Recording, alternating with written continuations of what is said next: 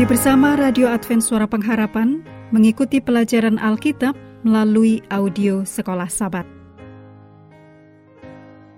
Selanjutnya kita masuk untuk pelajaran hari Kamis, tanggal 26 Oktober, judulnya Tunduk kepada Kehendak Allah. Mari kita mulai dengan doa singkat yang didasarkan dari 1 Yohanes 4 ayat 11. Saudara-saudaraku yang kekasih, jikalau Allah sedemikian mengasihi kita, maka haruslah kita juga saling mengasihi. Amin.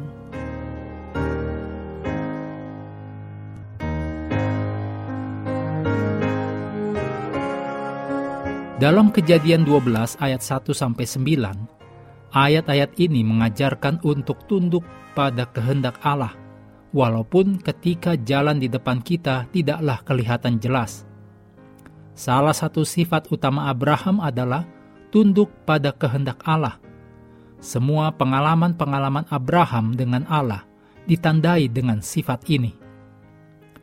Pengalaman panggilannya, Abraham menerima sebuah panggilan yang menantang dari surga.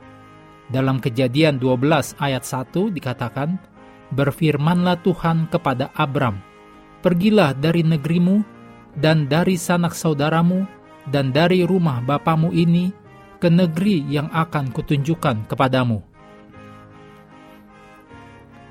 Ketika Abraham mendengar sebuah suara dari surga, reaksi pertamanya bisa saja mengabaikan suara ini – dengan berpikir bahwa dia sedang berhalusinasi.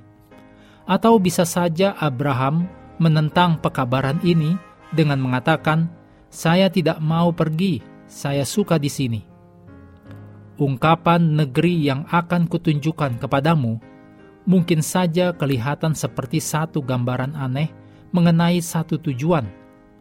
Tetapi Abraham menerima panggilan tersebut dia menyerahkan kehendaknya kepada kehendak Allah dan meninggalkan rumah orang tuanya dan juga negerinya.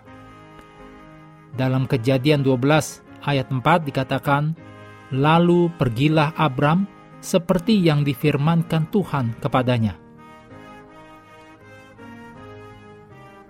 Pengalaman pemilihan tanah Sebuah pertengkaran terjadi antara hamba-hamba Lot dan hamba-hamba dari Abraham. Tetapi Abraham bukanlah seorang yang suka bertengkar dengan darah dagingnya sendiri. Dia menyerahkan kepada kehendak Allah yang sekali lagi memberkati dia.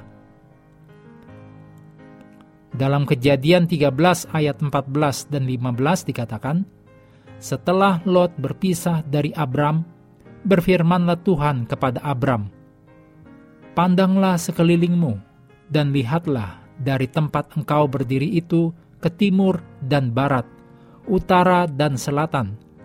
Sebab seluruh negeri yang kau lihat itu akan kuberikan kepadamu dan kepada keturunanmu untuk selama-lamanya.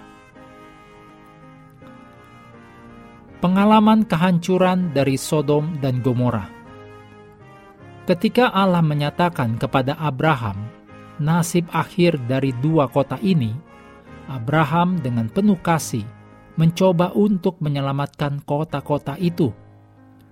Oleh karena sepuluh orang benar pun tidak ada di kota-kota tersebut. Akhirnya, kota-kota itu dihancurkan. Abraham tunduk pada kehendak Allah dan menerima penghakiman Allah atas kota-kota ini.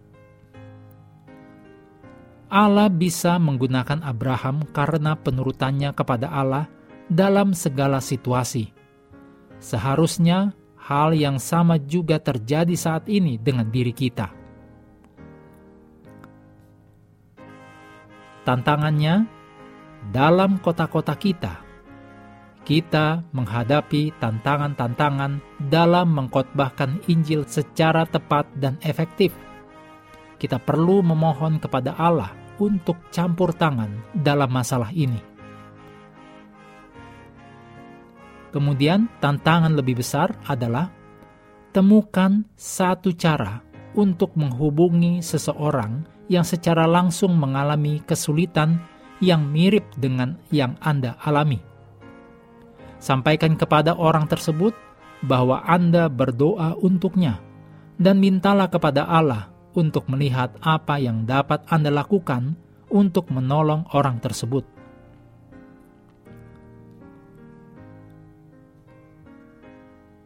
Mengakhiri pelajaran hari ini, mari kembali ke ayat hafalan Yohanes 13 ayat 34 sampai 35. Aku memberikan perintah baru kepada kamu, yaitu supaya kamu saling mengasihi. Sama seperti aku telah mengasihi kamu, demikian pula kamu harus saling mengasihi. Dengan demikian, semua orang akan tahu bahwa kamu adalah murid-muridku, yaitu jikalau kamu saling mengasihi.